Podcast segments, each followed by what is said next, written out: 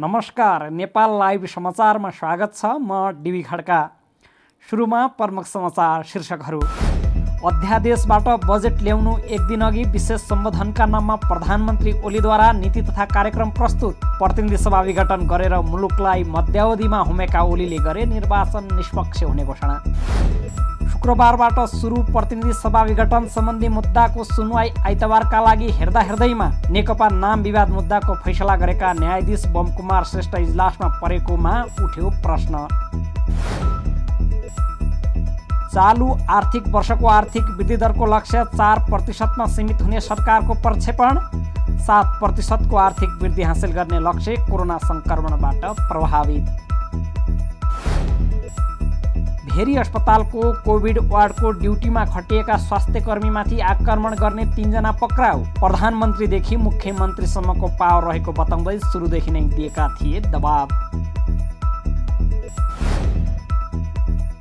र इराकसँगको मैत्रीपूर्ण खेल खेल्नका लागि आफ्नो टोली तयार रहेको कप्तान किरण चेम्जोङको भनाई।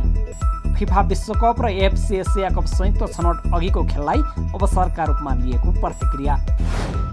अब समाचार विस्तारमा कामचलाउ सरकारले अध्यादेशबाट बजेट ल्याउने तयारी गरिरहेको बेला एक दिन अघि प्रधानमन्त्री केपी शर्मा ओलीले राष्ट्रका नाममा विशेष सम्बोधन गरेका छन्। राष्ट्रका नाममा विशेष सम्बोधन भनिए पनि विगतमा राष्ट्रपतिले संसदमा प्रस्तुत गर्ने सरकारको निधि तथा कार्यक्रम वाचन गरेका छन्। प्रतिनिधि सभा विघटन गरेर मुलुकलाई मध्यावधिमा होमेका ओलीले निर्वाचन निष्पक्ष हुने दावी पनि गरेका छन्। शुक्रबार राष्ट्रका नाममा सम्बोधन गर्दै उनले सरकारमा सहभागी हुन अन्य दललाई आग्रह गरेका छन्। निर्वाचनमा जानुलाई प्रतिगमन भन्नु सारमा जनताको सार्वभौम सत्तालाई अस्वीकार गर्नु नीतिहीन गठबन्धनको भर्याङ चढेर सरकारमा जान खोज्नु भनेको अराजनीतिक र झेली काम हो। जनताप्रति अविश्वास गर्नु हो। निर्वाचन निष्पक्ष र स्वच्छ हुने कुरामा मैले बारम्बार जोड दिएको छु।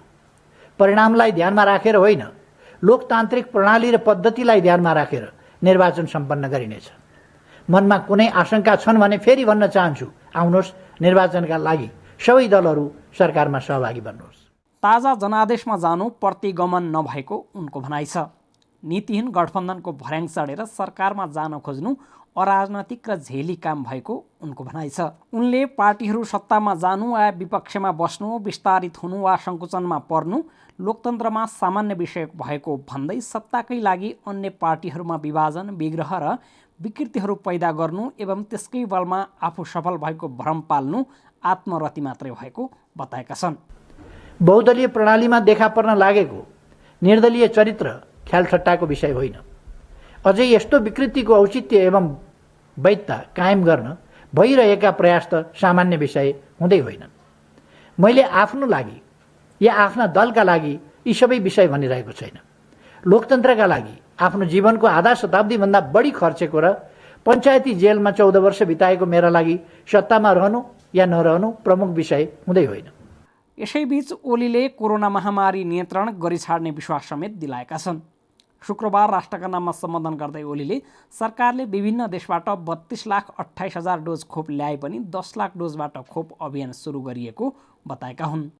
प्रतिनिधि सभा विघटन सम्बन्धी मुद्दालाई सर्वोच्च अदालतको संवैधानिक इजलासले आइतबारका लागि हेर्दा हेर्दैमा राखेको छ। आज सुरु भएको सुनवाईपछि कुनै आदेश नदिई हेर्दा हेर्दैमा राखेको हो। प्रधान न्यायाधीश जबराले आफ्नो नेतृत्वमा न्यायाधीशहरू दीपक कार्की आनन्दमोहन भट्टराई तेजबहादुर केसी र बमकुमार श्रेष्ठ सदस्य रहेको इजलास गठन गरेका थिए। न्यायाधीश बमकुमार श्रेष्ठलाई संवैधानिक इजलासमा राखिएको बारे भने इजलासमा प्रश्न उठेको छ। प्रतिनिधि सभा विघटन सम्बन्धमा परेका निवेदनमाथि शुक्रबार सर्वोच्च अदालतको संवैधानिक इजलासमा बहस गर्ने क्रममा अधिवक्ता गोविन्द शर्मा बन्दीले यस्तो प्रश्न गरेका हुन्। नेकपा नाम विवाद मुद्दामा न्यायाधीश श्रेष्ठले फैसला सुनाएकाले सरकार जोडिएको यो मुद्दा उनले बस्न मिल्छ कि मिल्दैन भनेर बन्दीले प्रश्न उठाएका हुन्। प्रधान न्यायाधीश चोलेन्द्र शमशेर राणाले रोस्टरको एघार नम्बरमा रहेका श्रेष्ठलाई संवैधानिक इजलासमा राखेका थिए। रोस्टरमा रहेका अन्यलाई छाडेर राणाले आफू निकट श्रेष्ठलाई इजलासमा ठाउँ दिएका हुन्। संवैधानिक इजलासमा दर्ता भएका एघार तथा संविधानको धारा छत्तरको उपधारा पाँच अनुसारको प्रधानमन्त्री नियुक्तिमा प्रक्रिया नपुगेको भन्दै परेका अन्य उन्नाइस रिटमाथि संवैधानिक इजलासमा बहस सुरु भएको हो। सरकारले चालु आर्थिक वर्षको आर्थिक वृद्धि दरको लक्ष्य संशोधन गर्दै चार प्रतिशतमा सीमित हुने प्रक्षेपण गरेको छ। अर्थ मन्त्रालयले चालु आर्थिक वर्षको आर्थिक सर्वेक्षण सार्वजनिक गर्दै उक्त जानकारी दिएको हो। सरकारले चालु आर्थिक वर्षको बजेटमा सात प्रतिशतको आर्थिक वृद्धि हासिल गर्ने लक्ष्य राखेको थियो। तर केन्द्रीय तथ्याङ्क विभागले चार दशमलव एक प्रतिशतले वृद्धि हुने संशोधित अनुमान गरेको हो। दुई हजार सतहत्तर अठहत्तरको सुरुदेखि पहिलो चौमासिकसम्म कोभिड सङ्क्रमण दर बढ्दै गएकोमा मङ्सिरदेखि चैतसम्म कर्मश नियन्त्रणतर्फ गएको थियो। यद्यपि पछिल्लो समयमा भारतमा तीव्र रूपमा बढेको कोरोना सङ्क्रमणको प्रत्यक्ष प्रभाव नेपालमा पनि दुई हजार अठहत्तर वैशाखदेखि पर्न थालेको थियो। स्वास्थ्य सङ्कटको यस्तो भयावह अवस्थामा क्रमशः सुधार आउने अपेक्षासहित नेपालको आर्थिक वृद्धि दर चालु आर्थिक वर्षमा चार दशमलव शून्य प्रतिशत रहने प्रारम्भिक अनुमान छ। शुक्रबार सार्वजनिक गरिएको आर्थिक सर्वेक्षणमा उल्लेख छ। स्वास्थ्य सङ्कटको अवस्था लामो समयसम्म रहिरहेमा लक्षित आर्थिक वृद्धि हासिल गर्न चुनौतीपूर्ण हुने अर्थ मन्त्रालयको भनाइ छ। यद्यपि कोभिड महामारीको समयमा समेत चालु आर्थिक वर्षमा अधिकांश प्रमुख आर्थिक परिसूचकहरू सकारात्मक रहेको मन्त्रालयले दावी गरेको छ। पछिल्लो चौबिस घन्टामा छ हजार नौ सय एकाउन्नजना कोरोना सङ्क्रमित थपिएका छन्। देशभर गरिएको उन्नाइस हजार तिन सय तेह्र पिसिआर र सात सय सन्तानब्बेजनाको एन्टिजेन परीक्षणमा छ हजार नौ सय उन्चालिसजनामा सङ्क्रमण पुष्टि भएको हो। यो सँगै कुल सङ्क्रमितको सङ्ख्या पाँच लाख उनपचास हजार एक सय एघार पुगेको छ जसमध्ये एक लाख तेह्र हजार तिन सय चौरानब्बेजना सक्रिय सङ्क्रमित छन्। चौबिस घन्टामा नौ हजार आठ सय एकचालिसजना सङ्क्रमित निको भएका छन्। यो सँगै देशभरै निको हुनेको सङ्ख्या चार लाख अठाइस हजार छ सय सत्तरी पुगेको छ। उक्त अवधिमा छयानब्बे सङ्क्रमितको मृत्यु भएको छ। हालसम्म कोरोना सङ्क्रमणबाट मृत्यु हुनेको सङ्ख्या सात हजार सत्तालिस पुगेको मन्त्रालयले जनाएको छ। देशभर हाल आठ सय नौजना क्वारेन्टाइनमा रहेका छन्। नेपालगञ्ज स्थित भेरी अस्पतालको कोभिड वार्डको ड्युटीमा खटिएका स्वास्थ्य कर्मीमाथि आक्रमण गर्नेलाई प्रहरीले पक्राउ गरेको छ।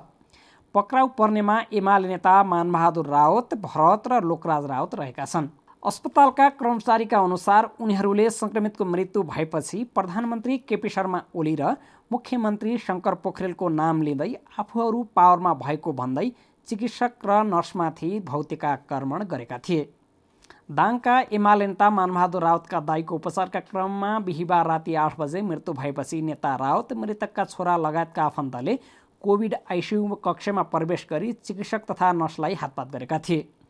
ज्यान मार्ने उद्देश्यसहित मृतकका आफन्तहरू आइसियुमा छिरेर तोडफोड गरी नर्स र डाक्टरमाथि आक्रमणमा उत्रिएको भेरी अस्पतालका सुपरिन्टेन्डेन्ट डाक्टर प्रकाश थापा बताउँछन्। कोभिड आइसियुमा खटिएका नर्सहरूले बिरामी आइसियुमा भर्ना गरेदेखि नै आफन्तले आफूसँग प्रधानमन्त्रीदेखि मुख्यमन्त्रीसम्मको पावर रहेको बताउँदै केही भए राम्रो नहुने भन्दै दबाब दिएको बताएका छन्। दोषीलाई कारवाही नभएसम्म आफूहरूले ड्युटी जोइन नगर्ने उनीहरूले बताएका छन्। भेरी अस्पतालमा पछिल्लो तीन सातामा चौथो पटक ड्युटीमा खटिएका नर्स तथा चिकित्सकमाथि भौतिक आक्रमण भएको छ। तर हालसम्म पावरको बलमा एकजना दोषीले पनि कारवाही भोग्नु परेको छैन। हामी नेपाल लाइभ समाचारमा छौँ। अब अन्तर्राष्ट्रिय समाचार।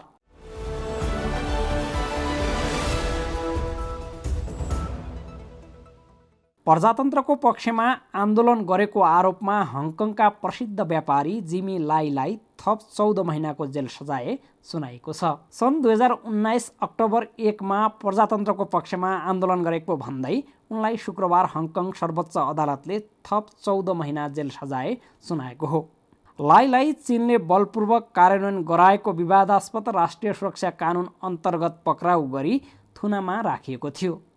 लाई दुई वर्ष अगाडि हङकङमा भएको प्रजातन्त्रवादी आन्दोलनका समर्थक र त्यहाँको सबैभन्दा ठुलो एप्पल डेली समाचार पत्रका प्रकाशक हुन्। उनीसँग बेलायतको नागरिकता पनि छ। उनी विरुद्ध विदेशी शक्तिहरूसँग मिलेमतो गरेको आरोप पनि लगाइएको छ। एकहत्तर वर्षीय लाईलाई दुई वर्ष अगाडि पनि अवैधानिक रूपमा भेला भएको र बलजफ्ती गरेको अभियोग लगाइएको थियो। पछि उनी धरौटीमा छुटेका थिए। तर गत महिना जिमीलाई प्रजातन्त्रको पक्षमा आन्दोलन गरेको दोषी ठहर गरियो र उनलाई छ महिनाका लागि जेल सजाय सुनाएको थियो। शुक्रबार सुनाइएको सहित जिमीको जेल सजाय अवधि बिस महिना पुगेको छ। सन् दुई हजार उन्नाइस अक्टोबर एकमा भएको प्रजातन्त्र समर्थित आन्दोलनमा दस हजारभन्दा बढीलाई पक्राउ गरिएको थियो। लगभग दुई हजार पाँच सयलाई विभिन्न अपराधका लागि दोषी पाइएको थियो। नेपाल लाइभ समाचारमा अब खेल समाचार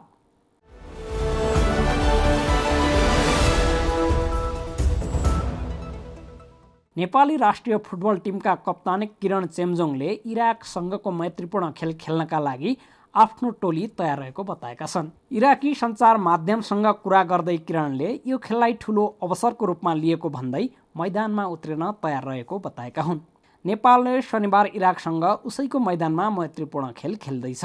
नेपालका लागि यो ठुलो अवसर हो। यसका लागि हामी तयार छौँ उनले भनेका छन्। इराकसँगको खेलले विश्वकप छनौटमा सहयोग गर्ने बताउँदै किरणले प्राप्त नतिजाले ठुलो अर्थ राख्ने बताएका छन्। मैत्रीपूर्ण खेल खेल्न पाउँदा खुसी लागेको उनको भनाइ थियो। फिफा विश्वकप र एएफसी एसिया कपको संयुक्त छनौट अन्तर्गत कुवेतमा तीन खेल खेल्नु अघि मैत्रीपूर्ण खेलका लागि नेपाली टोली बुधबार इराक पुगिसकेको छ। इराकको बसरा स्थित अल्फया अन्तर्राष्ट्रिय मैदानमा नेपालले घरेलु टिमसँग खेल्नेछ। नेपाल र इराक बीचको खेल नेपाली समयअनुसार राति सवा दस बजे सुरु हुनेछ। बिहिबार साँझ भने नेपाली टोलीले सामान्य अभ्यास गरेको थियो। फिफा वरियतामा नेपालभन्दा इराक एक सय तिनौँ स्थान माथि छ। फिफाले बिहिबार सार्वजनिक गरेको वरियतामा इराक अडसट्ठौँ स्थानमा छ नेपाल एक सय एकहत्तरौँ स्थानमा छ। इराक विरुद्धको खेलपछि अर्थात् भोलिपल्ट जेठ सोह्र गते नेपाली टोली स्थलमार्ग हुँदै कुवेत जानेछ। त्यहाँ टोलीले तिन विश्वकप र एसिया कप छनौटको खेल खेल्नेछ। समाचारको अन्त्यमा प्रमुख समाचारका शीर्षकहरू फेरि एकपटक। अध्यादेशबाट बजेट ल्याउनु एक दिन अघि विशेष सम्बोधनका नाममा प्रधानमन्त्री ओलीद्वारा नीति तथा कार्यक्रम प्रस्तुत प्रतिनिधि सभा विघटन गरेर मुलुकलाई मध्यावधिमा हुमेका ओलीले गरे निर्वाचन निष्पक्ष हुने घोषणा। शुक्रबारबाट सुरु प्रतिनिधि सभा विघटन सम्बन्धी मुद्दाको सुनवाई आइतबारका लागि हेर्दा हेर्दैमा नेकपा नाम विवाद मुद्दाको फैसला गरेका न्यायाधीश बमकुमार श्रेष्ठ इजलासमा परेकोमा उठ्यो प्रश्न। चालु आर्थिक वर्षको आर्थिक वृद्धि दरको लक्ष्य चार प्रतिशतमा सीमित हुने सरकारको प्रक्षेपण। सात प्रतिशतको आर्थिक वृद्धि हासिल गर्ने लक्ष्य कोरोना सङ्क्रमणबाट प्रभावित। भेरी अस्पतालको कोभिड वार्डको ड्युटीमा खटिएका स्वास्थ्य कर्मीमाथि आक्रमण गर्ने तिनजना पक्राउ। प्रधानमन्त्रीदेखि मुख्यमन्त्रीसम्मको पावर रहेको बताउँदै सुरुदेखि नै दिएका थिए दबाब र इराकसँगको मैत्रीपूर्ण खेल खेल्नका लागि आफ्नो टोली तयार रहेको कप्तान किरण चेम्जोङको भनाई। फिफा विश्वकप र एफसी एसिया कप संयुक्त छनौट अघिको खेललाई अवसरका रूपमा लिएको प्रतिक्रिया। नेपाल लाइभ समाचार आजलाई यति नै। यसपछि नेपाल लाइभमा सर्टकट खबर हेर्न सक्नुहुनेछ। यस्तै हाम्रा अन्य कार्यक्रम Nepal लाइभको Facebook page YouTube channel Twitter र हाम्रो वेबसाइट नेपाल लाइभ डट कममा पढ्न र हेर्न सक्नुहुनेछ। नमस्कार।